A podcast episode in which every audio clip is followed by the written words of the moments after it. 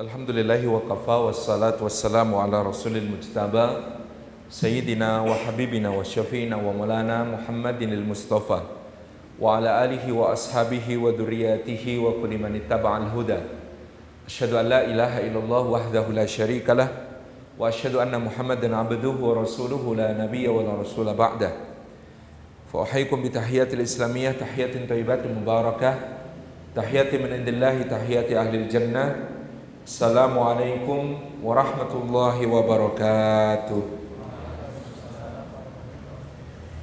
Puji syukur kehadirat Allah subhanahu wa ta'ala atas limpahan karunia-Nya. Pada sore yang indah ini Allah menghimpun kita di dalam rumahnya yang mulia. Mudah-mudahan setiap langkah yang kita tempuh menuju ke tempat ini Tiap tapaknya menggugurkan dosa-dosa kita. Meninggikan derajat kita di sisi Allah subhanahu wa ta'ala dan menjadi pemudah jalan kita semua menuju ke surga. Dan duduk kita semua semoga termasuk taman di antara taman-taman surga tempat Allah mencurah-curahkan rahmatnya, menaungkan sayap-sayap malaikatnya, menurunkan sakinah ke dalam hati kita dan menyebut-nyebut nama kita semua dengan bangga pada makhluk-makhluk mulia yang ada di sisinya sebagaimana sabda beliau sallallahu alaihi wasallam majtama'a qaumun fi baitin min buyutillah yatluna kitabullah wa yatadarasunahu bainahum illa ghasyiyatuhumur rahmah wa haffatsumul malaikah wa nazalat alaihimus sakinah wa dzakarahumullahu fi man indah. Rawahu muslim eh wa sahih. Dan duduk kita semua untuk menyebut-nyebut nama kekasih Allah Subhanahu wa taala Muhammad sallallahu alaihi wa alihi wasallam membaca salawat ketika nama itu disebut mengkaji kehidupannya dan bersemangat insya Allah untuk mengamalkan dan meladani sunnah-sunnahnya. Mudah-mudahan dengan demikian kita termasuk orang yang beruntung untuk diberikan sambutan oleh Nabi Sallallahu Alaihi Wasallam di Al-Haud di telaganya di Al-Kautsar diberi minum oleh tangan beliau yang mulia bernaung di bawah panjinya di yaumil mahsyar sampai mendapatkan syafaatnya dan mendampingi beliau di Firdausil A'la Hadirin hadirat yang dimuliakan oleh Allah Subhanahu wa taala. Rasulullah sallallahu alaihi wasallam diutus di tengah-tengah kaum yang ummi yang Allah Subhanahu wa taala sebutkan bahwa keadaan sebelum diutusnya Nabi sallallahu alaihi wasallam ini mereka berada di dalam kesesatan yang nyata. Firman Allah Subhanahu wa taala dalam surah Al-Jumu'ah ayat yang kedua, A'udzubillahi minasyaitonir rajim. Huwallazi ba'atsa fil ummiyina rasulan minhum yatlu 'alaihim ayatihi wa yuzakkihim wa yu'allimuhumul kitaba wal hikmah wa in kanu min qablu la fi dhalam wa la fi dhalalin mubin. Sadaqallahul adzim. Dialah Allah Subhanahu wa taala yang mengutus Rasulnya sallallahu alaihi wasallam membangkitkannya di dalam satu kaum yang ummi, kaum yang tidak membaca dan tidak menulis. Sudah pernah kita jelaskan kenapa orang-orang Quraisy memilih untuk tidak membaca dan tidak menulis karena mereka menganggap yang membaca dan yang menulis sebagai orang-orang yang kecerdasannya kurang dibandingkan yang tidak membaca dan tidak menulis. Karena apa? Karena peradaban pada masa itu dikuasai oleh para penyair yang dianggap cerdas adalah penyair-penyair yang fasih. Yang kalau mereka melihat satu pemandangan atau satu kejadian bisa langsung teruntai bait-bait syair abiyat dari lisan mereka secara langsung. Ini disebut cerdas. Tapi kalau ada penyair, lihat pemandangan atau lihat kejadian masih perlu cari ballpoint, cari kertas. Ini bagus ini, saya tulis dulu syairnya. Nah, itu berarti kurang cerdas. Penyair cerdas lihat sekali langsung teruntai, baitnya tidak putus-putus, keluar dari lisannya. Kalau tidak cerdas baru perlu alat tulis. Sama dengan ketika ada penyair yang kemudian sedang membacakan syair-syairnya, ada penyair lain hadir di situ, maka penyair yang cerdas adalah yang dengar sekali langsung bisa balas. Langsung bisa mengungkapkan balasannya melalui untayan syair-syair yang panjang. Itu cerdas. Kalau ada penyair sedang membacakan syairnya kemudian di situ hadir penyair lain lalu mengatakan pinjem pulpen, pinjem kertas ini mau saya catat dulu ini mau saya balas gitu. Nah, itu berarti kurang cerdas. Jadi waktu itu keadaannya memang yang dianggap cerdas adalah para penyair yang kemudian mampu menguntai bait-bait syair dengan langsung tanpa alat tulis, tanpa membaca, tanpa menulis. Ini yang cerdas. Kalau pakai membaca dan menulis itu kurang cerdas. Nah, ada yang orang golongan ketiga tidak cerdas sama sekali, tapi karena khawatir dikatakan kurang cerdas lalu memilih untuk tidak membaca dan tidak menulis. Itulah mayoritas orang-orang Quraisy gitu ya. Jadi karena mereka tidak takut dikatakan tidak cerdas sebagaimana orang yang membaca dan menulis mereka memilih untuk tidak membaca dan tidak menulis padahal mereka memang betul-betul tidak cerdas gitu ya. Mayoritasnya begitu. Ini ummi, kaum yang ummi. Maka Nabi Shallallahu alaihi wasallam dikatakan beliau ini juga ummi Rasulullah minhum. Maka dikatakan beliau seorang rasul dari kalangan mereka sendiri dari kalangan orang-orang yang ummi. Allah menegakkan hujah di dalam Al-Quran juga dengan keummian Rasulullah. Si Allah berfirman seandainya engkau pernah membaca dan menulis saya orang-orang akan ragu-ragu tentang Al-Quran nah kalau Rasulullah pernah membaca dan menulis kemungkinan Al-Quran itu karangan beliau kemungkinan Al-Quran itu adalah hasil tulisan beliau setelah membaca berbagai macam hal lalu beliau tuangkan apa pemahamannya ke dalam sebuah kitab yang baru bernama Al-Qur'anul Karim. Maka Allah mengatakan seandainya engkau pernah membaca dan menulis saya ragu-ragulah orang yang mengetahui tentang Al-Qur'anul Karim dan kitab-kitab sebelumnya.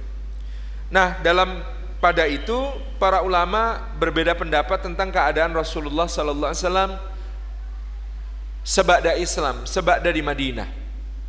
Sebagian ulama menyatakan, misalnya Imam Asyuti, Imam Al-Wahidi, dan para penulis kitab sirah biasanya berpegang pada riwayat bahwa Nabi SAW seumur hidup memang ummi, seumur hidup tidak bisa membaca dan tidak menulis. Tapi sebagian ulama ada yang menyatakan nanti setelah Quran itu hujahnya tegak, maka Nabi SAW membaca dan menulis. Tetapi paling tidak para penulis sirah mengajukan riwayat tentang perjanjian Hudaybiyah di mana Rasulullah SAW tidak mengetahui manakah tulisan yang berbunyi Ar-Rahman dan Ar-Rahim, manakah yang berbunyi Rasulullah. Sehingga ketika akan menghapus kalimat itu beliau minta ditunjukkan mana yang berbunyi Ar-Rahman, mana yang berbunyi Ar-Rahim, mana yang berbunyi Rasulullah sehingga karena keberatan-keberatan dari Sahal atau Suhail bin Amr tentang klausul perjanjian di mana ditulis ini adalah perjanjian antara Muhammad Rasulullah dengan Suhail bin Amr wakil Quraisy. Kata Suhail, kalau saya tahu engkau Rasulullah ya saya nggak memerangi engkau. Jangan ditulis Rasulullah, ditulis Muhammad bin Abdullah. Sama. Di atasnya juga ada tulisan Bismillahirrahmanirrahim. Saya itu nggak kenal Ar-Rahman, saya itu nggak kenal Ar-Rahim, saya kenalnya Allah. Tulis saja seperti biasanya kita tulis Bismikallahumma dengan namamu ya Allah. Ini perjanjiannya orang Quraisy itu semuanya dengan nama Allah, tapi bunyinya Bismikallahumma dengan namamu ya Allah, tidak pakai ahya wa amud. Doa sebelum tidur. Nah, hujahnya para penulis sirah adalah sampai perjanjian Hudaybiyah saja itu Rasulullah masih belum membaca dan belum menulis. Jadi beliau minta ditunjukkan kepada Sayyidina Ali bin Abi Thalib mana tulisan Ar-Rahman Ar-Rahim, mana tulisan Rasulullah yang akan beliau hapus, beliau coret karena akan diganti dengan Bismikallahumma dan diganti dengan Muhammad bin Abdullah. Ini yang terjadi pada saat Sulhul Hudaybiyah. Kalau antum faham Ustadz Haikal Hasan termasuk yang berpendapat Rasulullah nantinya membaca dan menulis. Wallahu alam bisawab. Kalau saya cenderung pada pendapat para mu'arrikh, pendapat para ahli tarikh yang menyebutkan bahwa sampai akhir hayat Rasulullah itu dijadikan oleh Allah ummi. Sebagian orang itu merasa perlu menyatakan Rasulullah tidak ummi karena merasa khawatir ummi itu sebuah kehinaan padahal enggak gitu ya. Ummi itu bukan kehinaan, tidak membaca dan tidak menulis pada saat itu bukan kehinaan. Di masa orang Quraisy dia adalah satu hal yang terpuji. Tidak membaca dan tidak menulis itu lebih pintar daripada yang membaca dan menulis. Ukuran kecerdasan gitu ya. Nah ini juga kita dapatkan riwayat dari Al-Ma'mun bin Harun Ar-Rasyid ketika berdialog dengan seorang badui. Al-Ma'mun bertanya kepada seorang badui suruh membaca baduinya nggak bisa baca. Aku ini tidak bisa membaca. Aku ini seperti nabi gitu. aku ini seperti nabi. Aku tidak bisa membaca dan tidak bisa menulis gitu. Kata Al-Ma'mun bin Harun Ar-Rasyid khalifah pada masa itu dasar dungu gitu ya. Tidak membacanya Rasulullah itu kemuliaan bagi beliau. Tapi tidak bisa membaca dan menulis yang engkau itu kehinaan bagi beda. Kita ini bukan Nabi Shallallahu Alaihi Wasallam yang perlu dijaga Allah agar tidak membaca dan menulis supaya ditegakkan hujah Al-Quran.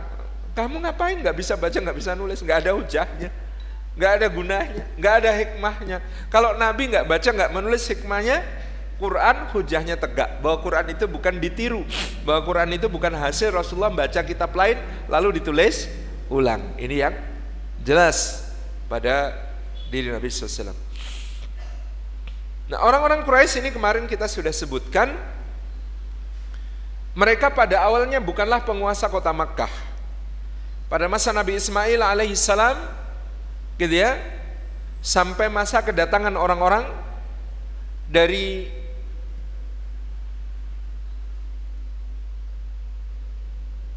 Sabah maka yang berkuasa adalah orang-orang kabilah Jurhum dari kabilahnya istri Nabi Ismail alaihissalam yang bernama Jurhum ini yang kemudian menguasai kota Makkah selama ribuan tahun. Kemudian datanglah kemarin kita sudah sebut Sa'labah bin Amr bin Amir yang berasal dari negeri Sabah yang dia keluar bersama ayahnya dan beberapa sepupunya yang datang untuk mengungsi ketika bendungan Ma'rib sudah diambang kehancuran. Mereka mengungsi ke arah utara sampai di kota Makkah maka mereka Salabah bin Amr bin Amir meminta kepada orang-orang Jurhum agar diberi tempat di kota Mekah. Orang-orang Jurhum menolak mereka lalu terjadi peperangan dan orang-orang Jurhum dikalahkan oleh Salabah bin Amr bin Amir. Tidak lama kemudian Salabah bin Amr bin Amir ini kemudian sakit lalu dia harus berobat ke negeri Syam kepemimpinan kota Makkah diserahkan kepada keponakannya yang keponakannya ini cucu dari Amr bin Amir nanti akhirnya dikenal sebagai Khuza'ah. Maka Khuza'ah inilah yang berkuasa di kota Makkah. Khuza'ah berkuasa di kota Makkah sampai muncul seorang tokoh hebat namanya Amr bin Luhai Al-Khuza'i yang kemarin kita sudah bahas. Dia kalau musim haji dia nyembelih 10 ribu onta, memberi pakaian pada 10 ribu orang, gitu ya. Memberikan jamuan yang sangat banyak kepada orang-orang yang datang ke kota Mekah untuk menunaikan manasik. Lalu dia melakukan satu safari pergi ke negeri Syam di sana melihat orang-orang negeri Syam ternyata menyembah berhala. Ini adalah ba'da wafatnya Sulaiman alaihi salam sehingga kemudian Amr bin Luhai al-Khuzai pulang ke Makkah membawakan berhala yang bernama Hubal. Dia pulang membawa berhala bernama Hubal. Sementara orang-orang Makkah ketika mendapati Amr bin Luhal Husay menceritakan keajaiban dari negeri Syam Negeri yang maju, negeri para nabi dan para rasul Ternyata menyembah berhala Maka mereka menganggap kalau begitu menyembah berhala itulah yang terbaik Ketika ditawarkan Hubal orang-orang Makkah kemudian mengatakan Oh kami punya Latta The legend dari orang sebelum Amr bin Luhal Khuzai yang suka menjamu jamaah haji itu namanya lata. Lata itu seorang yang kalau ada jamaah haji datang dia, dia kasih makan, dia kasih minum, dia kasih penginapan, dia kasih pakaian. Kemarin kita ceritakan dulu syaratnya di masa jahiliyah orang tawaf itu harus pakai baju yang belum pernah dipakai melakukan dosa. Sehingga pada masa musim haji harga baju baru di Mekah itu melonjak. Baju yang belum pernah dipakai dosa, harganya naik, mahal gitu ya. Sehingga banyak orang itu kalau tawaf mereka terpaksa tawaf dalam keadaan telanjang karena tidak kuat beli baju yang belum pernah dipakai melakukan dosa. Tapi setelanjang-telanjangnya tawafnya orang jahiliyah itu tawafnya malam hari. Mereka tidak berani tawaf di siang hari kalau tidak punya pakaian untuk tawaf sehingga tawaf dengan telanjang itu dilaksanakan pada malam hari. Ini yang dilakukan oleh orang-orang jahiliyah pada saat itu. Maka jadilah berhala lata. Kemudian kita ceritakan kemarin Amr bin Luhai al-Ghuzai itu ya kalau sudah menempuh jalan kesesatan maka Allah akan tambahkan kesesatan. Falamma zagu azaghallahu qulubahum. Kata Allah tentang Bani Israel ketika mereka menyimpang, Allah simpangkan lebih jauh hati mereka itu. Amr bin Luhai al-Ghuzai ini hatinya menyimpang dia ketika mendirikan agama berhala sebenarnya untuk kejayaan dirinya. Karena dia merasa dia mengikuti agama Nabi Ibrahim yang sudah bertahun-tahun, beribu-ribu tahun diikuti oleh orang-orang yang berada di Makkah. Sementara dia berasal dari suku Khuza'ah, bukan suku dari keturunannya Nabi Ibrahim alaihissalam. Oh, ini Khuza'ah ini datang ke sini ngikut aja agamanya nggak punya identitas. Harusnya kita punya agama sendiri gitu. Kemudian dia mendirikan agama yang kemudian menjadi agama berhala. Jadi Amr bin Luhai al-Khuzai ini orang yang salah satu dosa jariah terbesar sepanjang masa yang ada di Jazirah Arab sehingga Nabi SAW ketika Isra dan Mi'raj beliau menceritakan kepada para sahabat diperlihatkan kepadaku jahanam dan di dasar jahanam itu ada seorang menyeret-nyeret ususnya yang ususnya ini menggelembung bengkak sebesar sungai-sungai di Irak ususnya menggelembung bengkak sebesar sungai-sungai di Irak Sungai di Irak itu kayak laut. Efrat, Tigris itu ya, Dajlah, Furat itu kan sungai-sungai raksasa gitu ya. Maka Nabi menggambarkan ini ususnya membengkak, menggelembung seperti sungai-sungai di Irak. Orang itu adalah Amr bin Luhai al-Khuzai yang mendirikan agama berhala di kota Makkah.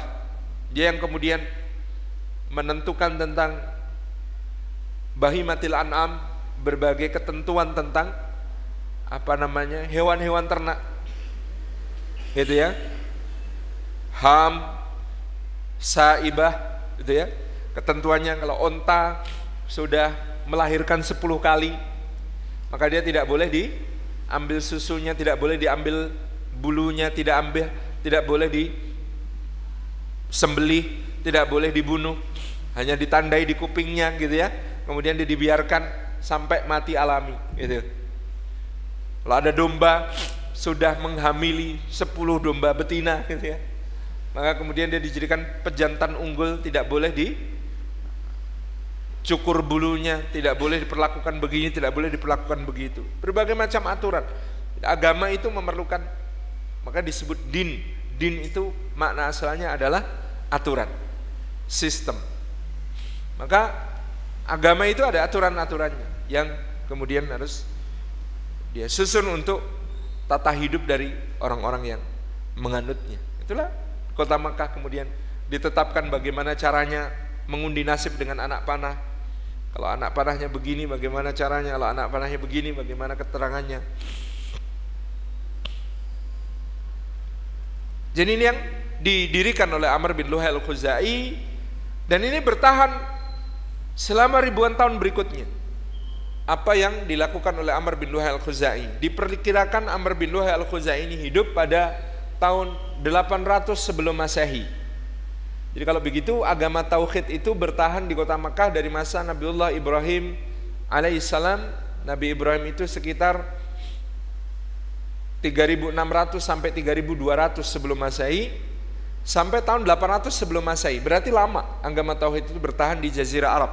Baru kemudian pada masa Amr bin Luhai al-Khuzai di tahun 800 sebelum Masehi terjadi apa yang tadi kita sampaikan adanya perubahan menjadi sebuah agama agama yang disebut sebagai agama e, berhala di di kota Makkah. Kemudian di sisi lain, ikhwan dan akhwat yang dimuliakan oleh Allah Subhanahu wa taala, kita membaca dalam Al-Qur'an Al Karim terdapat surah yang menyebut tentang Quraisy.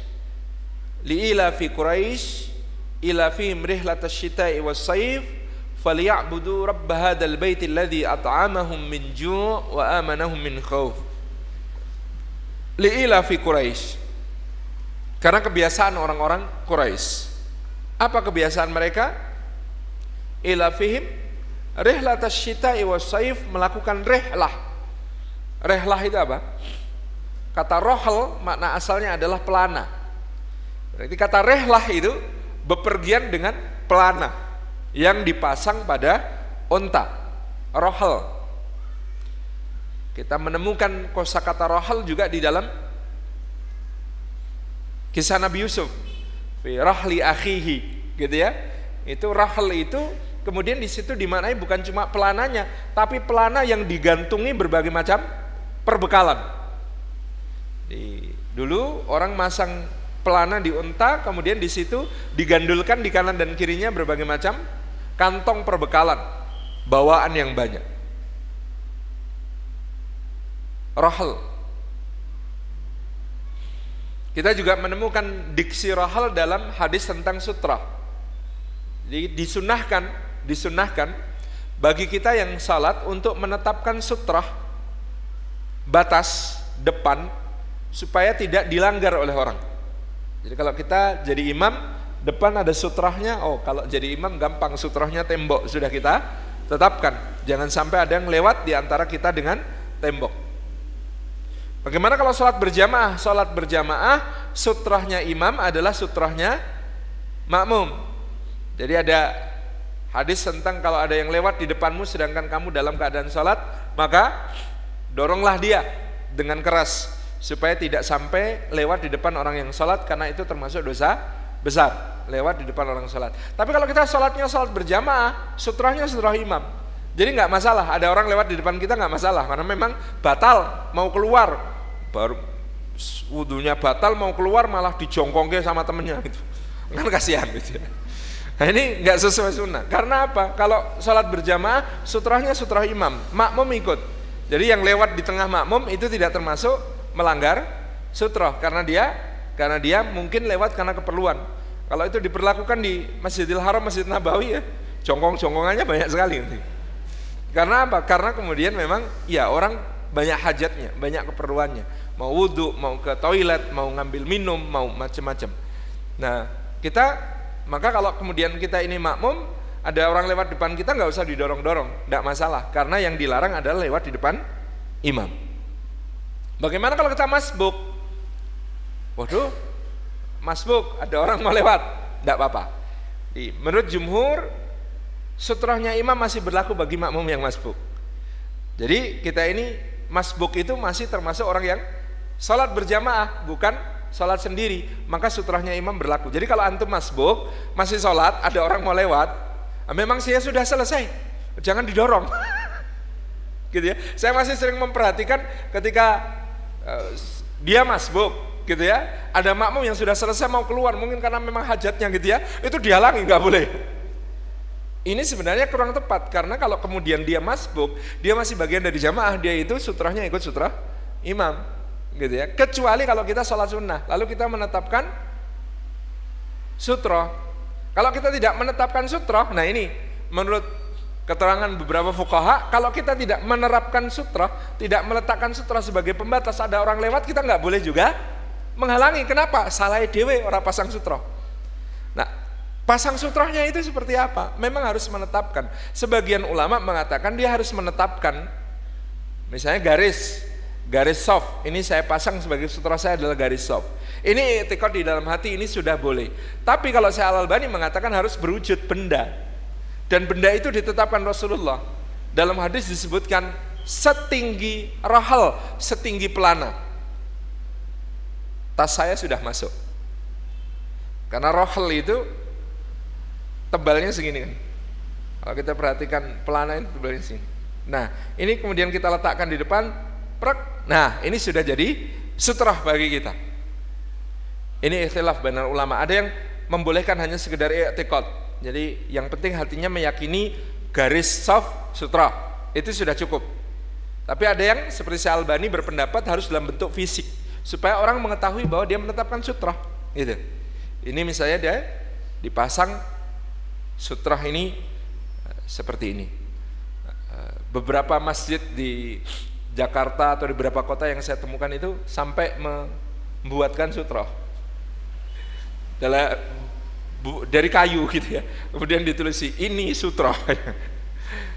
saya mau ngeritik juga nggak enak. Ini bid'ah ini. Di masa Rasulullah tidak dibuatkan spesifik seperti itu, kan berarti bid'ah. Masa Rasulullah kan nggak ada sutra khusus dibikin dari kayu ukurannya segitu. Ini jadi bid'ah juga gitu ya. Nah, bagaimana yang adil kalau saya berpendapat lebih cenderung kepada yang para fuqaha saya Wahba Az-Zuhaili, Dr. Yusuf Al-Qaradawi misalnya ketika menjelaskan tentang sutra, beliau mengatakan i'tiqad itu cukup. Kita meyakini ini garis depan saya ini sutra. Udah cukup. Karena akan terjadi masyakkah, kesulitan-kesulitan kalau sutra itu diwajibkan dalam bentuk fisik. Ya kalau pas bawa, kalau pas enggak. Cukup misalnya kita kalau sholat di tanah gimana? Ya sudah, gitu ya. Tetapkan secara etikot. Ini sutra. Apakah boleh sutra dengan benda hidup? Ada jamaah duduk depan kita. Saya menetapkan punggung saudara saya ini sebagai sutra ya resikonya nanti ditinggal gitu ya. Resikonya dia pergi duluan. Kita kehilangan sutra di tengah salat. Apakah boleh? Menurut jumhur boleh. Ya. ini sutra tentang sutra jadi rahal. Rehlata syita'i wasaif bepergian dengan membawa pelana dan perbekalan-perbekalan pada musim panas dan musim dingin Kenapa disebut secara spesifik musim panas, musim dingin? Orang Quraisy itu kalau musim panas dia pergi ke Syam karena Syam lebih sejuk. Kalau musim dingin dia pergi ke Yaman karena Yaman lebih hangat. Gitu ya. Jadi ini yang kemudian dilakukan oleh orang Quraisy. Polanya kalau musim panas pergi ke Syam, kalau musim dingin pergi ke Yaman dengan tentu saja mempertukarkan barang dagangan. Barang dagangan Syam dibawa ke Yaman, barang dagangan Yaman dibawa ke Syam, dua-duanya dipertemukan di Makkah sebagai barang dagangan.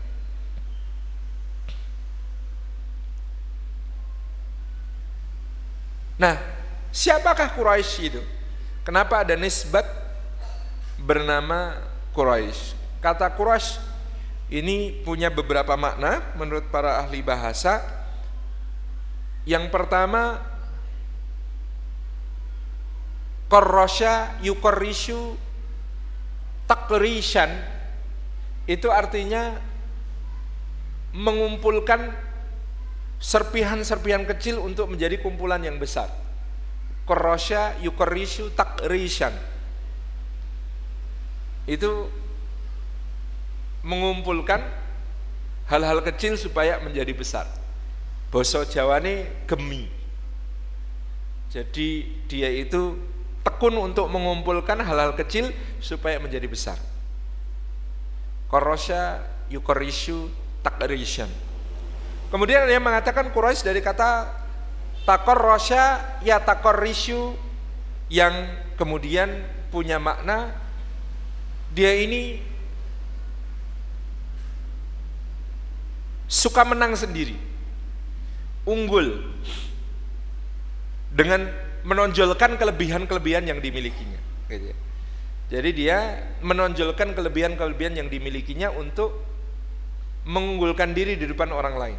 Jadi pada orang yang suka mengunggulkan tentang hal tertentu, dia memiliki sesuatu yang lebih bisa diunggulkan dibandingkan orang itu. Kalau tandingan unggul-unggulan dia menang. Takor rasya, ya takor risyu. Kemudian kirsyun itu menurut orang Arab adalah sebutan bagi hewan di laut yang besarnya lebih besar dari kapal, taringnya itu setinggi Ka'bah taringnya besarnya seperti tinggi Ka'bah gitu ya. Gambarannya tentang kirsyun, binatang yang disebut sebagai kirsyun ini. Yang kalau dia di lautan dia suka menyundul kapal sampai terbalik.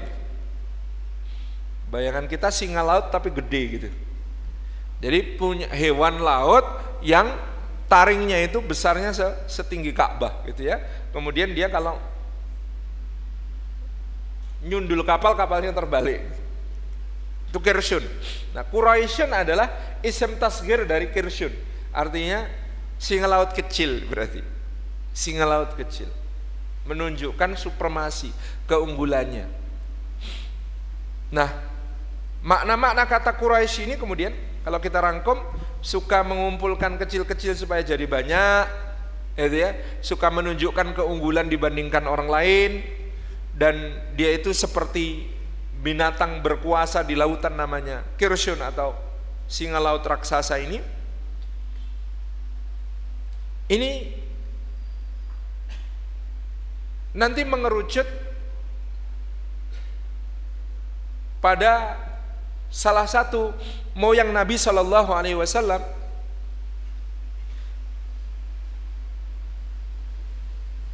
yang bernama Kusai bin Kilab bin Fihir bin Malik.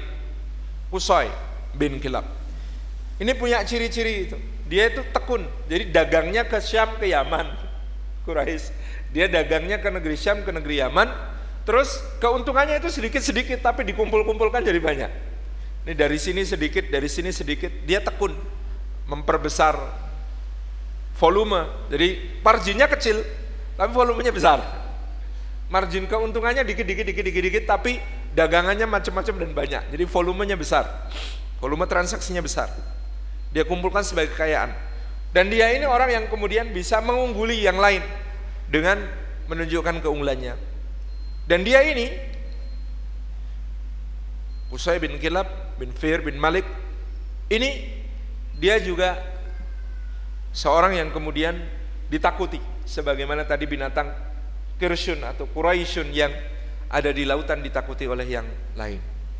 Jadi dulu orang Arab itu nama-nama sukunya sebagian nama suku dari nama binatang. Bani Asad berarti suku singa. Bani Kaleb dari suku anjing. Jangan apa namanya skeptis dulu pada suku anjing. Dari suku anjing ini ada salah satu pria paling tampan di zaman Rasulullah namanya Dihyah bin Khalifah Al-Kalbi saking gantengnya orang dari suku anjing tapi tidak pakai sayur kol ini Daya bin Khalifah Al-Kalbi itu mukanya sering dipinjem Jibril untuk tampil di depan para sahabat.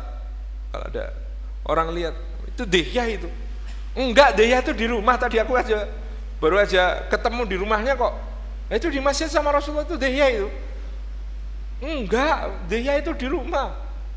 Ternyata itu adalah Jibril alaihissalam. Jibril kalau tampil di depan Rasulullah dan para sahabat sering pinjem mukanya Daya bin Khalifah Al-Kalbi. Insya Allah ya. Malaikat itu kan tidak punya referensi tentang seperti apa keren itu ya kecuali dari manusia. Gitu. Nah, keren di Madinah itu adalah Dihya bin Khalifah Al-Kalbi sahabat Rasulullah dari suku anjing yang kemudian dia tiru oh begini. Jadi ini Dihya bin Khalifah Al-Kalbi.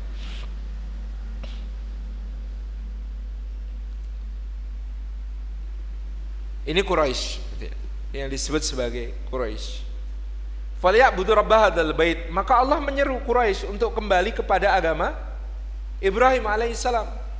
Wong agama berhala itu bukan agamanya Quraisy, itu agamanya Huza'ah. Yang bikin itu adalah suku Huza'ah. Falyabudu rabb hadzal bait. Maka adalah mereka beribadah kepada Rabb di hadzal bait yang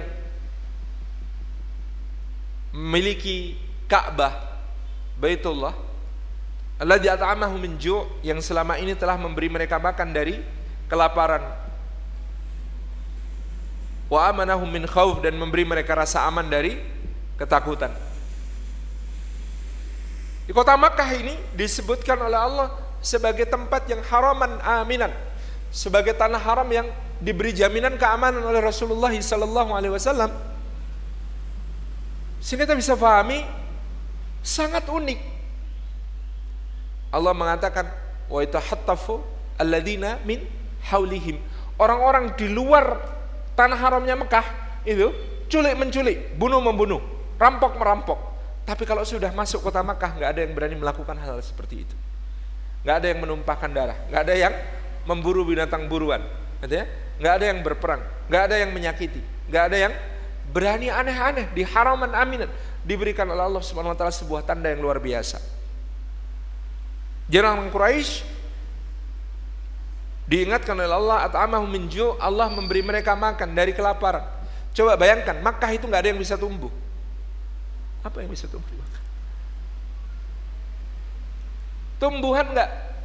Allah sudah mengatakan, wadin ghairi dzar'in itu lembah yang tidak ada tanamannya, mau tumbuh di situ nggak ada keluar agak jauh ke arah Taif itu baru kemudian ada tumbuhan yang subur tetapi Makkah sejak awal ditinggali oleh Ismail alaihissalam bersama ibundanya tidak ada orang kelaparan di kota Makkah tidak ada orang yang mati kelaparan di kota Makkah Allahu Akbar Allah ya'tamahu min dulu Nabi Ismail itu seorang pemburu. Jadi dia jalan jauh ke arah Taif. Berburu apa? Rusa. Bayangkan, dulu di daerah itu dekat Makkah itu ada rusa. Ini makanannya Ismail itu daging dan air zam-zam. Daging dan air zam-zam. Enggak pernah makan lalapan, sayuran gitu ya. Maka kalau ada yang bilang kepada antum bahwa diet yang bagus itu banyak makan daun-daunan gajah itu dari dulu makan daun-daunan nggak kurus-kurus. Iya. Singa dari dulu makanya daging juga nggak gemuk. Guyonan ya. Makanan itu yang terbaik sesuai dengan daerahnya. Kalau antum tinggalnya di Jawa, ya makanannya apa yang ada di Jawa? Itu. Kalau antum tinggalnya di Eropa, ya makannya yang ada di Eropa. Jadi Allah itu sudah memberikan apa yang terbaik bagi satu tempat itu yang ada di situ. Tidak perlu diada-adakan dari tempat yang lain, gitu ya. Kawan-kawan panahan berkuda itu menceritakan kita sekarang terpesona pakai kuda dari barat, dari cold blood dari Eropa gitu ya. Padahal itu ya cocoknya untuk medan perang di Eropa. Kalau di Jawa ya kuda yang cocok kuda apa? Kuda Jawa varietas yang ada mungkin spesies yang ada di Kuningan gitu ya. Apalagi kalau ke timur lihat Sumbawa. Ya kuda yang untuk di Nusantara ya kuda yang seperti itu. Antum tahu nggak? Mongol menaklukkan Baghdad kudanya kayak apa? Kuda-kuda stepa kecil. Kakinya pasukan Mongol itu nyaris menyentuh tanah ketika naik kuda. Tapi gesit sekali kudanya itu. Dan daya tahannya luar biasa melintasi padang rumput padang rumput yang sangat luas perjalanan yang sangat panjang mereka dikatakan bisa menempuh gitu ya dalam sehari bisa ratusan kilometer. Tanpa istirahat. Ini kuda-kudanya dahsyat gitu ya. Nah itu mau dilawan pakai kuda Arab. Yang kuda Arab itu hidupnya di padang pasir tiba-tiba diajak memerangi kuda Mongol yang hidupnya di padang rumput. Kalah kalah gesit. Pasukan muslimin itu menghadapi mereka mentok di situ, kalah. Kenapa? Khawarizmi bertekuk lutut, gitu ya. Kemudian ke barat makin ke barat sampai Baghdad jatuh. Pasukan muslimin itu nggak pernah maju, mundur terus. Begitu sampai medan perang di padang pasir dihadapi oleh pasukannya Saifuddin Mudhafar Kutus, ah, medan perangnya padang pasir. Kuda yang dari stepa cocok nggak? Nggak cocok. Baru di situlah Mongol kalah. Baru di situlah pasukan Mongol kalah karena medan perangnya sudah tidak sesuai dengan kuda mereka nggak kompatibel. Ini medan perangnya kuda Arab gitu. Jadi kuda Arab dipaksa perang di stepa kalah. Kuda stepa dipaksa perang di gurun seperti kuda Arab kalah juga gitu. Maka pasukan Mongol yang menyerang ke Nusantara juga kalah gitu ya. Alat perangnya nggak masuk Pak Eko. Nggak masuk gitu ya. Ngelawan orang Jawa pakai kuda yang didatangkan dari daratan Cina, nggak bisa. Apalagi yang dilawan Raden Wijaya dan Adipati Songenep yang bernama Arya Wiraraja, orang cerdas-cerdas gitu. Kapal, kapalnya kapal, kapal dari Cina gitu ya, made in China. Disuruh berlayar di sungai, Sungai Mas di Surabaya, Sungai Berantas. Ayo jadi sasaran empuknya serangan perahu-perahunya Raden Wijaya yang kecil-kecil gesit-gesit gitu. Nah, itu satu sama lain tabrak-tabrakan nggak karuan, panik sendiri gitu. Biasanya berlayar di sungai Huangho dan sungai Yangtze yang lebarnya sak hoha disuruh berlayar di sungai sesempit berantas. Ruwet itu kapalnya. Maka dikalahkan oleh pasukannya Raden Wijaya panik tabrak-tabrakan kapalnya Mongol di sungai berantas itu ketika akan melarikan diri. Padahal kekuatannya jauh lebih besar dibandingkan pasukan Jawa. Jadi ini soal kompatibilitas, hati-hati. Kalau kita membawa perangkat baru ke wilayah baru, dari daerah kita mau menaklukkan tempat lain harus ngerti geografinya kayak apa, mana senjata yang cocok, nggak sembarangan. Gitu.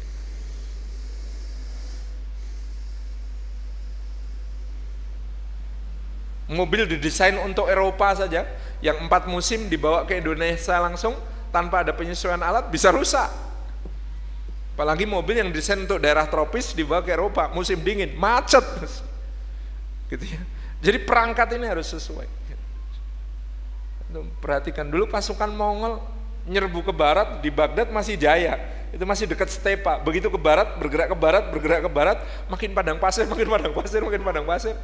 Kudanya sudah nggak kompatibel lagi, gitu ya. Melawan kemudian pasukan dari Mesir yang dipimpin oleh Saifuddin Mutafar Kutus yang mereka menaiki kuda-kuda Arab yang bagus. Jadi ini soal kompatibilitas. Mamluk gitu ya, yang didirikan oleh Saifuddin Mudafar Kutus ini berjaya selama 300 tahun. Menjadi pasukan terkuat di Jazirah Arab. Mereka harus bertekuk lutut kepada siapa?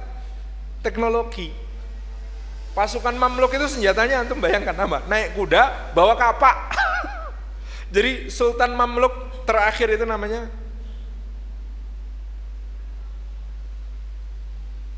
Honsa al Ghauri itu itu senjata perangnya itu kapak. Itu bayangkan naik naik kuda sambil bawa kapak. Wah gitu. Sementara pasukannya Salim satu dari Turki Utsmani yang dia lawan pakai apa? Meriem sudah selesai gitu kan jadi dulu kejayaan perang itu di, dihadapi dengan perang satu lawan satu tanding duel di depan kemudian wah disurak-surai gitu ini baru mau maju ngajak duel tembaki, rampung gitu. Perubahan teknologi gitu. Di Jepang juga begitu kan yang terjadi dulu di tradisi perang lama itu penganutnya orang-orang dari timur. Ada Uesugi Kenshin dari utara, kemudian di timur ada Takeda Shingen dari provinsi Kai. Takeda Shingen ini masih mengandalkan formasi lama.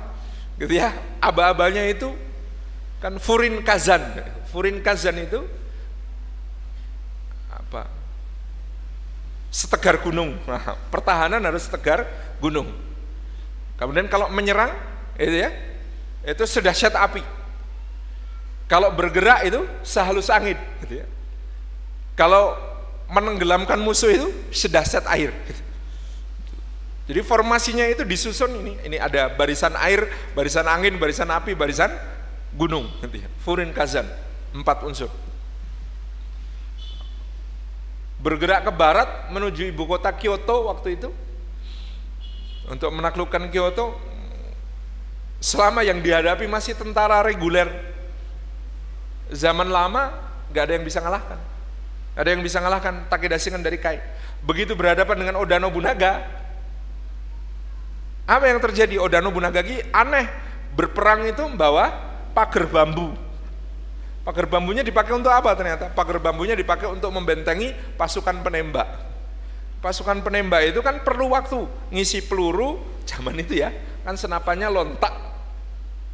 Peluru diisi, dodol-dodol, taburi bubuk mesi sulut baru tembak. Der, itu butuh waktu. Satu kali nembak itu untuk persiapan butuh dua penembak lain.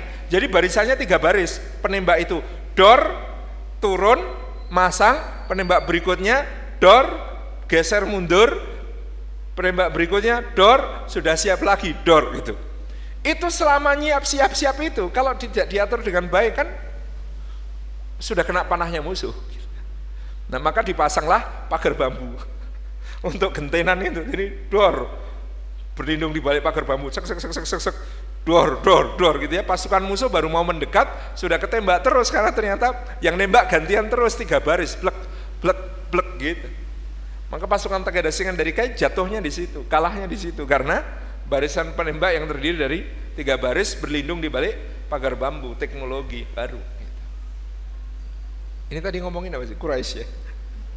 Tak kembali ke bahasan kita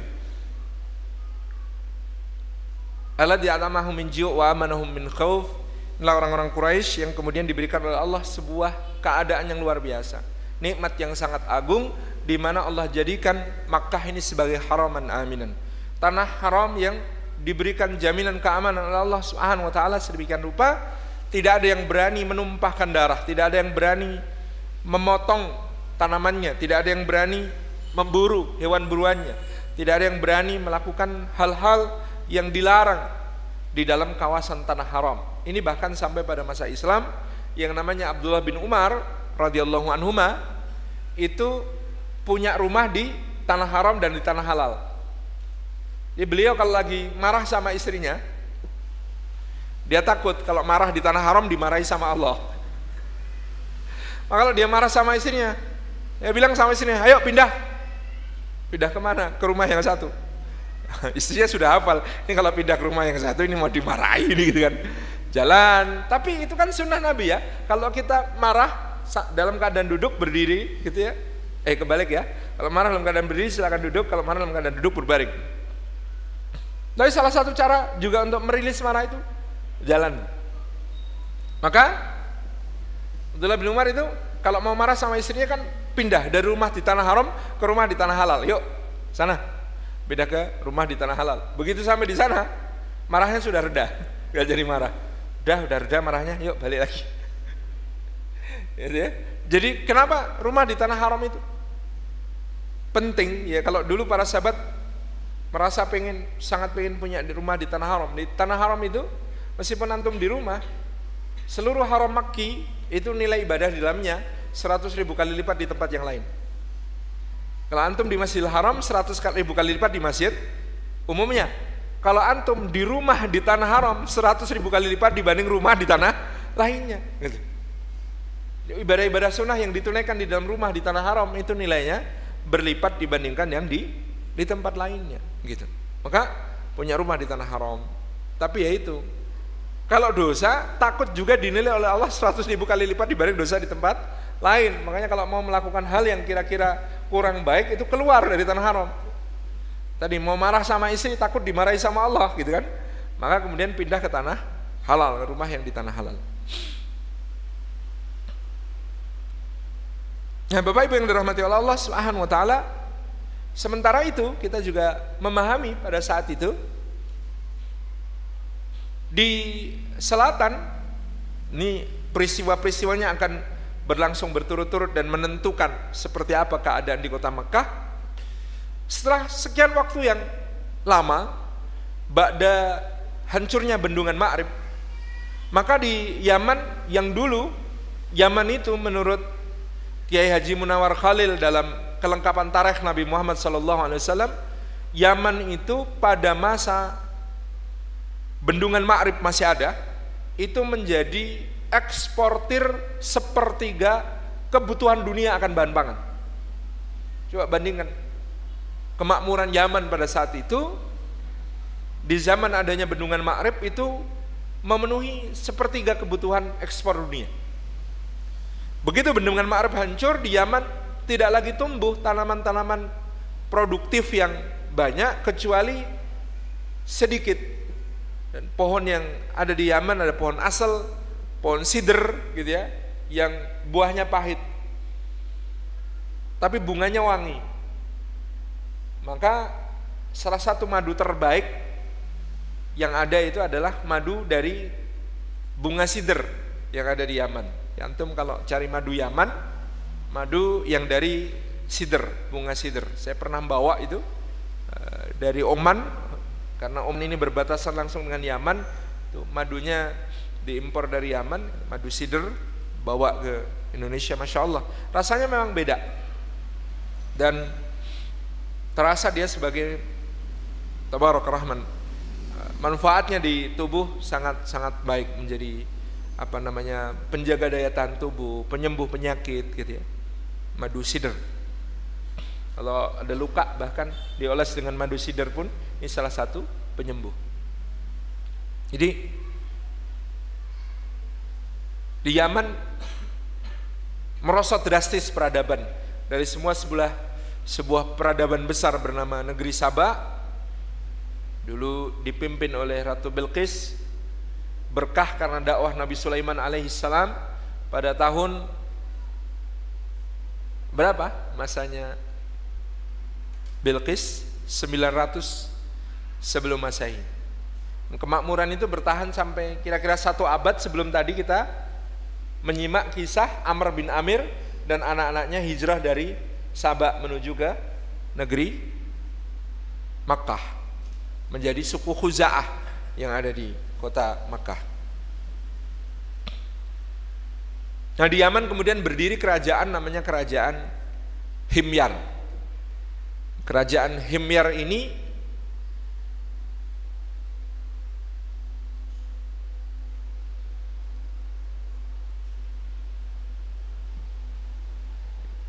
dipimpin nanti seorang raja yang terkenal namanya Raja Zur'ah Dunuas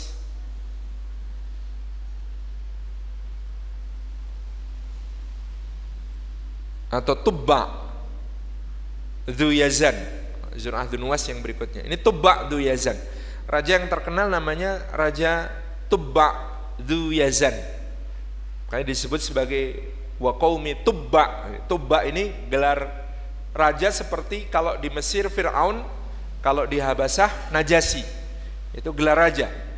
Di Tubba Zuyazan. Maka dinastinya disebut sebagai dinasti Tababa'ah. Tuh, kerajaan Tubba. Oh ya kita sebelumnya sudah sempat menyinggung kalau Sabah itu nama seorang lelaki.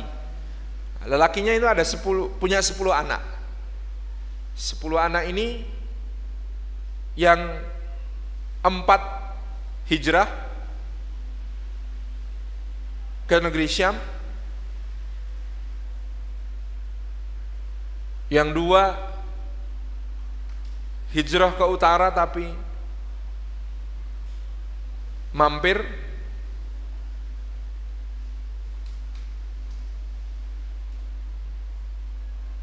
yang empat masih tetap bertahan di Yaman. Nama-namanya kalau tidak salah yang sampai ke negeri Syam pertama Laham dan Judam ini adalah keturunan dari Sabak di Yaman. Mereka membentuk kabilah yang bernama Lahem dan Judam di di negeri Syam. Yang mampir-mampir itu namanya Ghassan. Jadi dia dinamai Ghassan karena kedua kakaknya Lahem dan Judam itu sudah bablas dia mampir-mampir. Nah, disebut sebagai dia sebagai Ghassan. Nah, dia membentuk dinasti Gasasinah yang memerintah di antara Irak dan Suriah bagian selatan. Di daerah Gazasinah ini keturunan Sabak yang suka mampir-mampir. Kemudian yang bertahan di negeri Yaman itu ada yang bernama Ahmar, ada yang bernama Ash'ar. Abu Musa al-Ash'ari itu dari suku Ash'ar, kabilah dari negeri Sabak. Itu ya, ada Ahmar, ada Ash'ar, ada Jazakallah.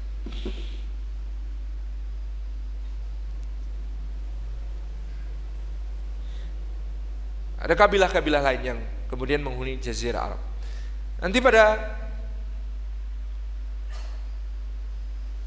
waktu berikutnya ada rombongan berikutnya dari suku-suku negeri Sabah yang hijrah ke utara.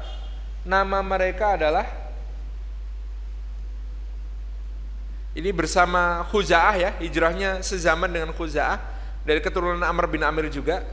Anaknya Amr bin Amir ada yang sampai ke Yasrib Yang satu namanya Aus, yang satu namanya Khazraj. Di Aus dan Khazraj itu keturunan dari dari negeri Sabak juga dari Amr bin Amir. Jadi Aus bin Amr dan Khazraj bin Amr bin Amir ini yang kemudian menghuni daerah Yasrib. Kembali pada cerita tadi, Raja Tubba Duyazan ini dia hidup kira-kira pada tahun 300 Masehi. Jadi kira-kira 250 tahun sebelum kedatangan Nabi SAW atau 300 tahun sebelum kedatangan Nabi SAW. Pada tahun 300 Masehi, Raja Tubba Duyazan ini memperluas daerah kekuasaan Himyar ke arah utara. Dia menyerbu ke utara sampai ke Yasrib. Di Yasrib dia berperang dengan Aus dan Khazraj. Nah, Aus dan Khazraj ini aneh. Kalau siang perang, kalau malam menjamu. Ya, kalau malam di suguh susu kambing, susu unta, daging, itu ya nasi, roti, kurma, anggur, macam-macam. Raja Tuba ini akhirnya merasa kalian ini kok aneh. Kalau siang kami perangi, kalian melawan dengan gigi, tapi kalau malam kalian memberi kami makan, memberi kami minum dengan begitu baik. Kata Aus dan Khazrat, suku yang tinggal di Yasrib, kami ini adalah orang-orang yang sangat memuliakan tamu, menghargai silaturahim. Bagaimanapun juga engkau berasal dari negeri Yaman, kami pun dulu berasal dari negeri Yaman, kita bersaudara, kita satu darah. Anda datang ke sini maka kami perlakukan sebagai tamu di malam hari. Tapi kalau di siang karena kalian menyerang kami, kami adalah prajurit-prajurit yang tabah di medan perang maka kami pasti melawan. Jadi tergantung kalau kamu mau damai, kami damai-damai saja, tidak ada masalah. Tapi kalau mau melanjutkan perang, ayo. Jangan dipikir kami akan takut. Gitu.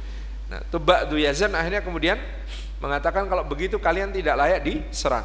Akhirnya hari berikutnya dia disambut masuk ke kota, dijamu, diterima dengan baik dan Toba Duyazan kemudian heran karena di Yasrib, di Madinah kok banyak Yahudi, kok banyak orang ahli kitab. Ini dari mana mereka? Lalu diceritakan orang-orang ahli kitab ini adalah bagian dari suku Lewi, salah satu dari sepuluh suku yang hilang ketika penyerbuan Babilonia ke tanah suci Jerusalem.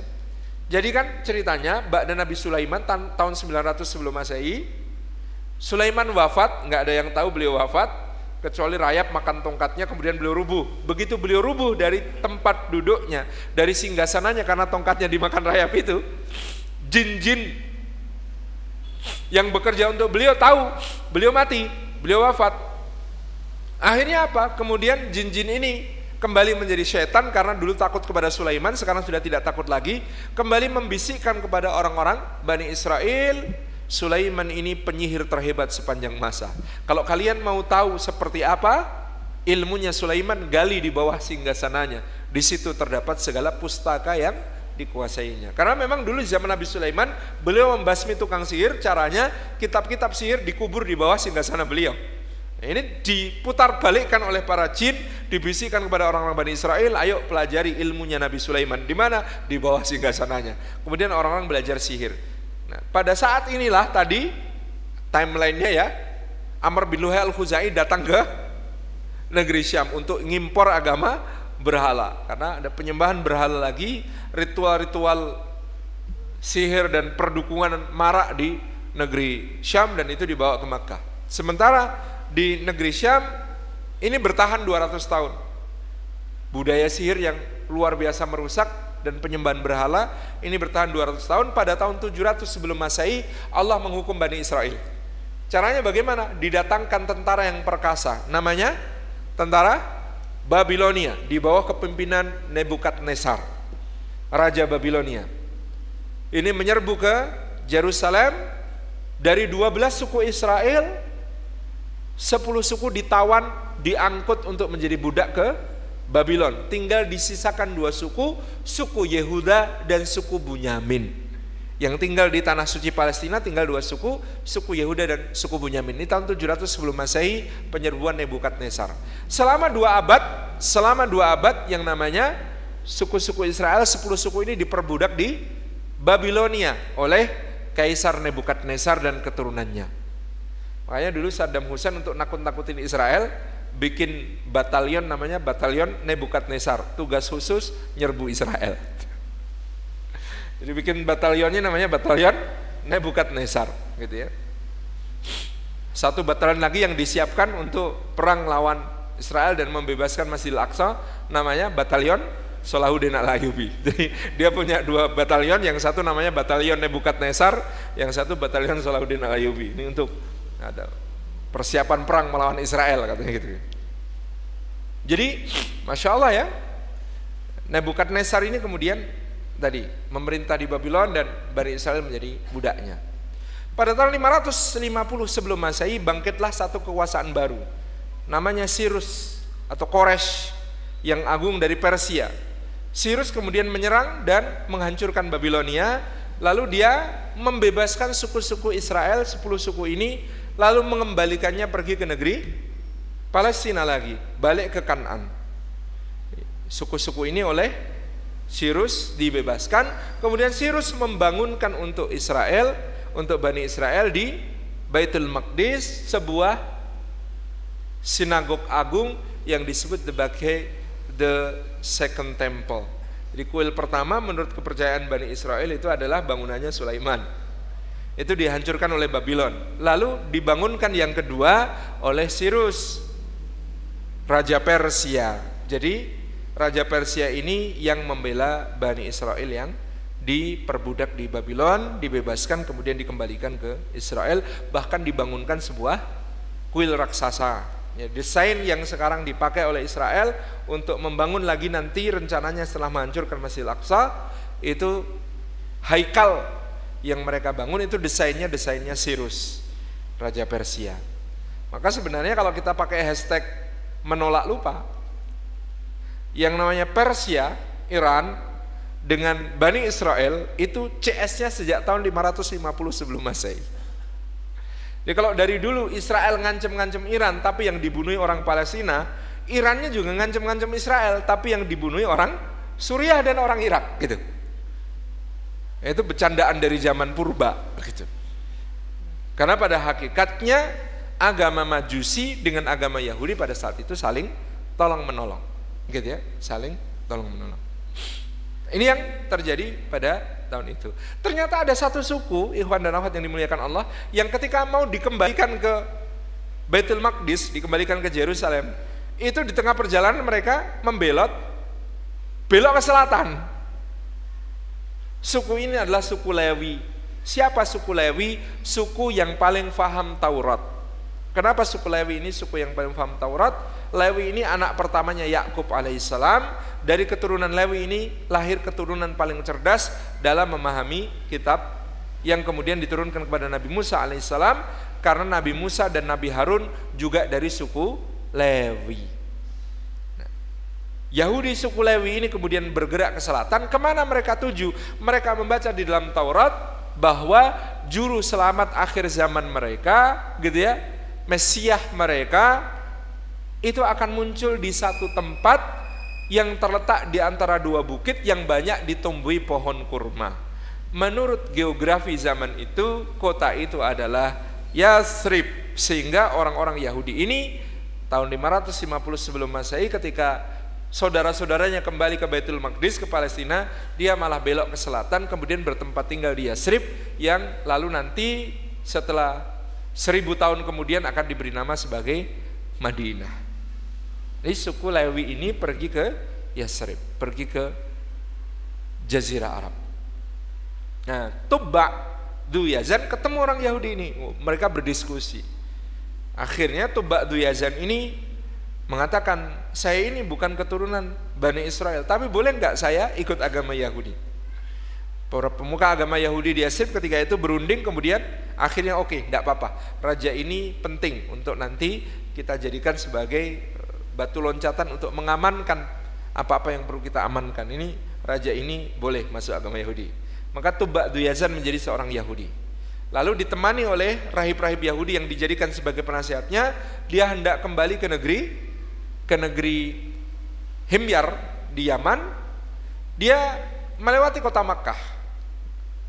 Di dekat kota Makkah ini ada suku Khuza'ah yang masih tersisa. Suku Huzah ini kemudian berkata kepada Tubak Duyazan, "Hei Tuan Raja, wah sudah tertulis dalam ramalan-ramalan dan juga kitab suci-kitab suci akan ada raja dengan ciri-ciri seperti Anda, yaitu begini begini begini yang akan menjadi pewaris para nabi dan raja-raja dari zaman kuno. Tuan Raja, saya beritahu ini rahasia bahwasanya di dalam Ka'bah di kota Mekah terdapat timbunan harta warisan dari para nabi-nabi dan raja-raja zaman dahulu. Itu semua adalah haknya Anda karena Anda yang tertulis di dalam ramalan anda seorang raja dari selatan tapi berjalan menuju Makkah dari arah utara. Mari Tuan Raja, kami temani untuk mengambil harta itu di kota Mekah, di dalam Ka'bah. Akhirnya dia berunding dengan dua penasihat Yahudinya. Memang buat kalian, katanya aku ini pewaris harta-harta yang ditinggalkan nabi-nabi dan raja-raja di dalam Ka'bah. Kata dua penasihat Yahudi ini, Tuan ditipu sama Khuza'ah. Di dalam Ka'bah tidak ada apa pun kecuali peninggalannya Ibrahim alaihissalam dan putranya Ismail yang itu bukan berupa harta-harta yang berharga seperti mereka katakan. Tetapi harap Anda ketahui siapa yang berbuat buruk, berani berbuat buruk kepada Ka'bah, pasti dia akan dilaknat dan dihancurkan oleh Allah di dunia dan di akhirat. Orang-orang Khuza'ah ini sebenarnya ingin menghancurkan Anda. Caranya menghasut Anda untuk merampok Ka'bah, maka dengan itu Allah akan murka dan Anda akan mendapatkan kutukannya. Waduh, kata Tubak Duyazan. Jadi apa yang harus kulakukan?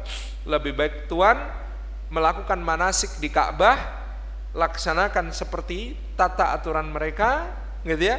Kemudian Tuhan sembelih unta-unta, sedekahkan pada penduduk Mekah, gitu ya. Tuhan biayai berbagai proyeknya kota Mekah, layani mereka.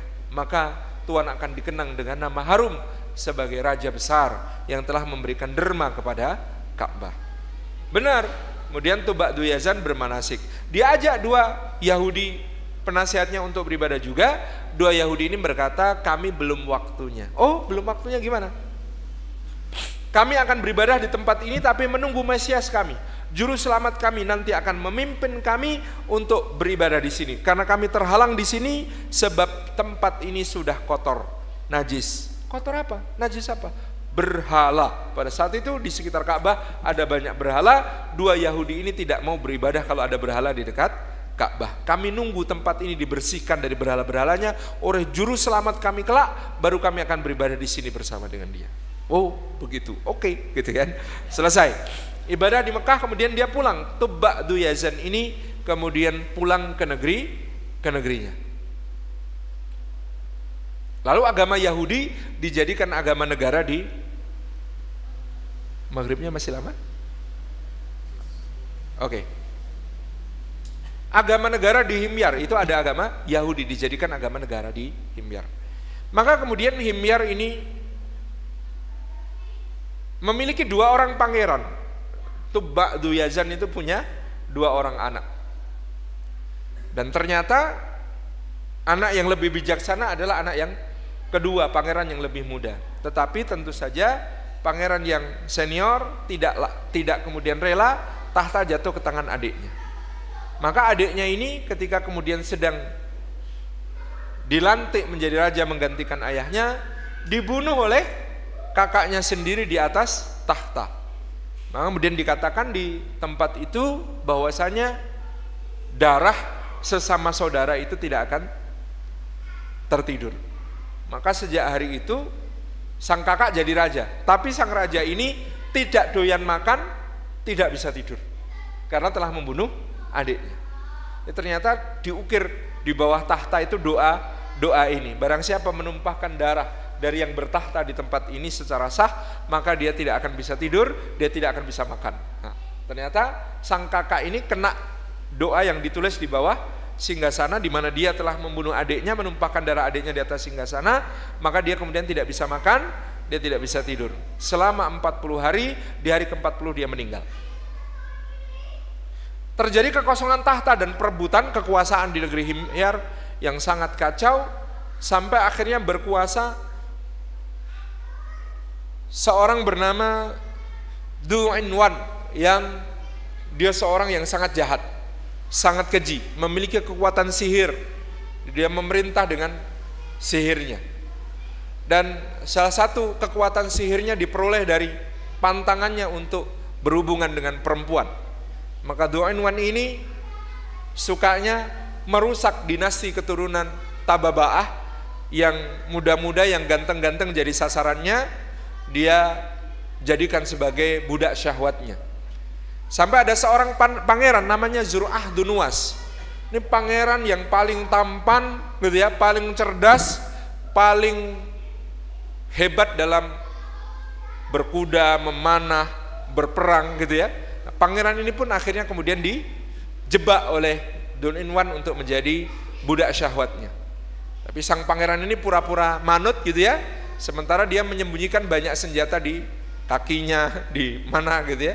Sehingga pada saat terlena Inwan ini pada pesona fisik Pangeran Zur'ah Dunwas ini, maka Pangeran Zur'ah Dunwas yang sudah mempelajari bagaimana caranya membunuh si tukang sihir ini, kemudian menikamnya tepat pada bagian jantung dengan sebuah pedang yang terbuat dari perak. Setelah itu kemudian dia penggal kepala si penyihir ini, kemudian dia bawa kepalanya ke alun-alun. Dia umumkan kepada seluruh rakyat, si keji penyihir ini sudah berhasil saya bunuh, maka sekarang saya adalah raja kalian. Maka raja ini bermula berkuasa namanya Zur'ah Dunwas. Ternyata Zur'ah Dunwas ini orang yang sangat fanatik dengan ajaran agama Yahudi karena marahnya dia kepada ajaran agama sihir yang dianut oleh Du'inwan. Dia Yahudi garis keras. Jadi si Zur'ah Dunwas ini Yahudi garis keras dan dia perluas kekuasaannya ke berbagai wilayah. Salah satu kerajaan yang ada di seberang kerajaannya namanya kerajaan Najran. Nah, kerajaan Najran ini adalah kerajaan Nasrani. Sementara dia sudah memproklamasikan kerajaan Himyar sebagai kerajaan Yahudi garis keras. Maka dia pun menyerbu ke kerajaan Najran. Penyerbuan Zur'ah Dunuas ke kerajaan Najran inilah yang nanti menjadi tema dalam pembicaraan surah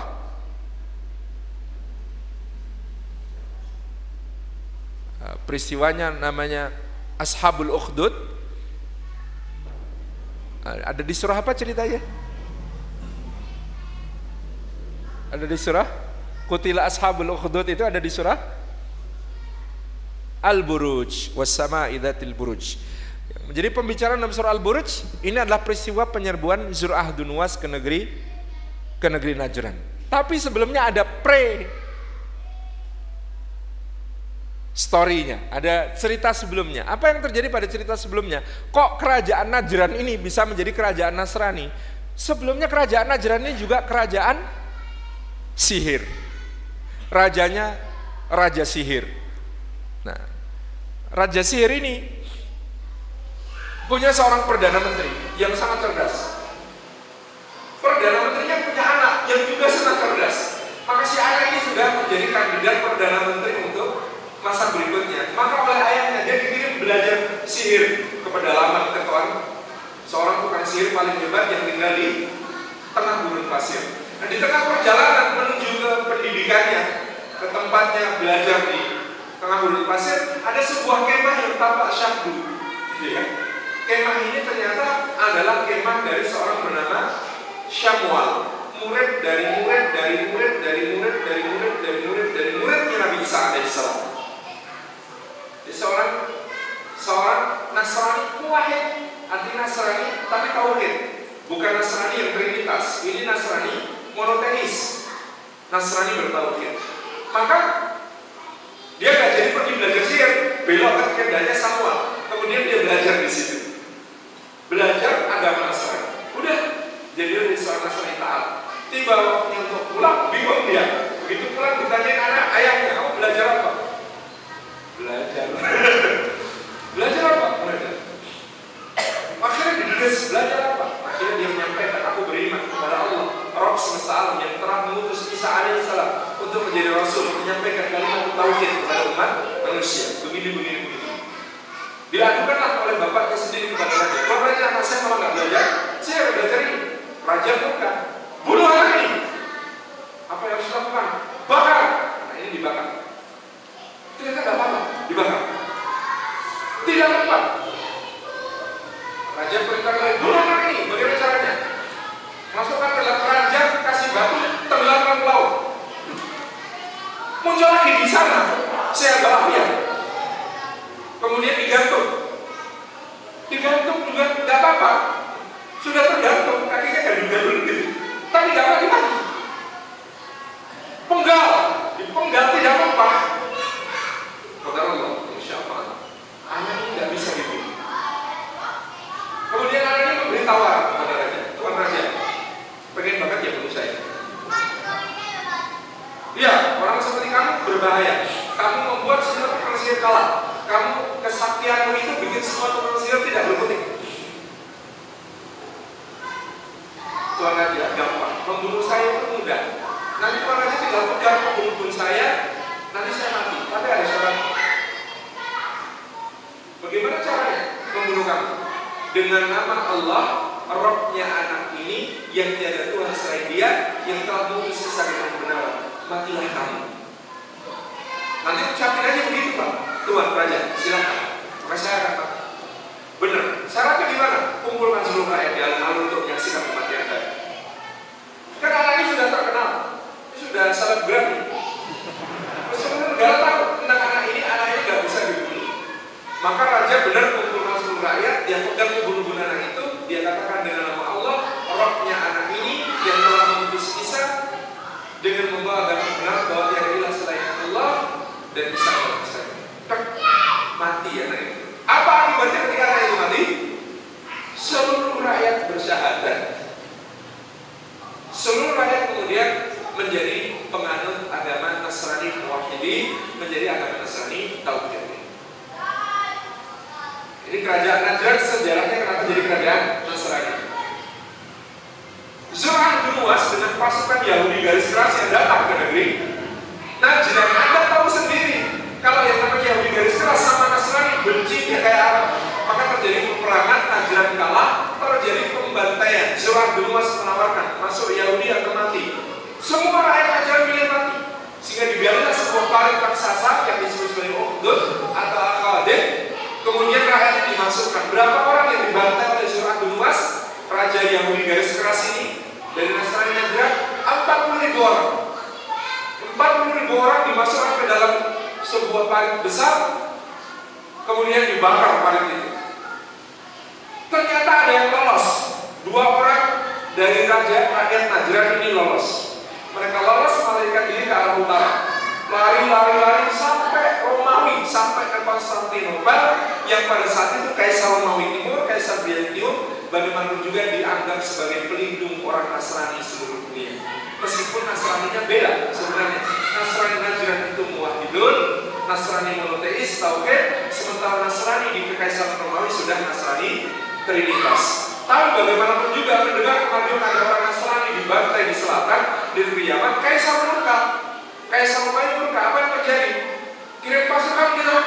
Penasihatnya menjalankan kejauhan Baghdad, ini berapa palsu lah jauh dari itu. Lah terus bagaimana?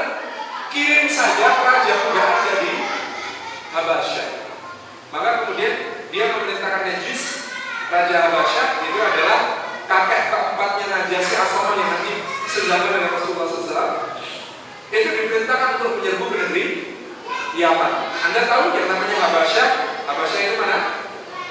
Ethiopia, Somalia, Sudan Selatan, Eritrea, itu namanya sih? Itu kalau ke Yaman tinggal loncat laut merah, tinggal meloncati laut merah, sangat dekat. Maka dikirimlah pasukan dari Habasyah dengan mengendarai gajah-gajah Afrika yang sangat besar diseberangkan dengan kapal menyerbu ke negeri Himyah, ke negerinya Zur'ah bin Nuwas Yahudi garis keras. Maka dihancurkanlah negeri Zur'ah bin Nuwas ini oleh seorang panglima dari Habasyah namanya Abraham. Jadi nama panglima ini adalah Abraham yang kemudian menjadi raja muda Habasyah di negeri Yaman. Dalam satu riwayat yang lain, yang memimpin penyerbuan bapaknya, bapaknya tewas, kemudian digantikan oleh anaknya yang disebut sebagai Abraham. Intinya Abraham ini kemudian menjadi raja muda di negeri Yaman, raja muda Habasyah di negeri Yaman. Dia membuat gereja raksasa di sana. Dia bersemangat menyebarkan agama Nasrani Trinitarian, agama Nasrani Trinitas ke seluruh Yaman. Jadi Najran yang dibelai yang monoteis tapi yang datang bilangin Nasrani musyrik, Nasrani Trinitas.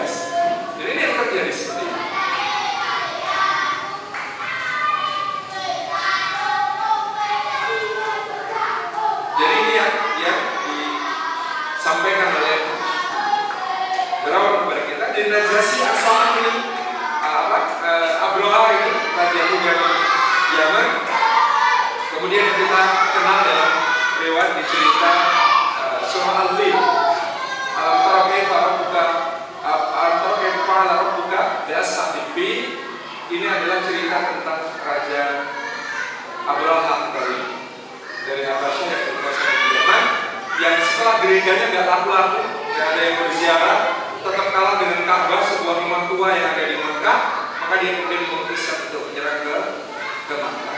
Kita lanjutkan dengan Insyaallah pada kesempatan yang lain. Assalamualaikum.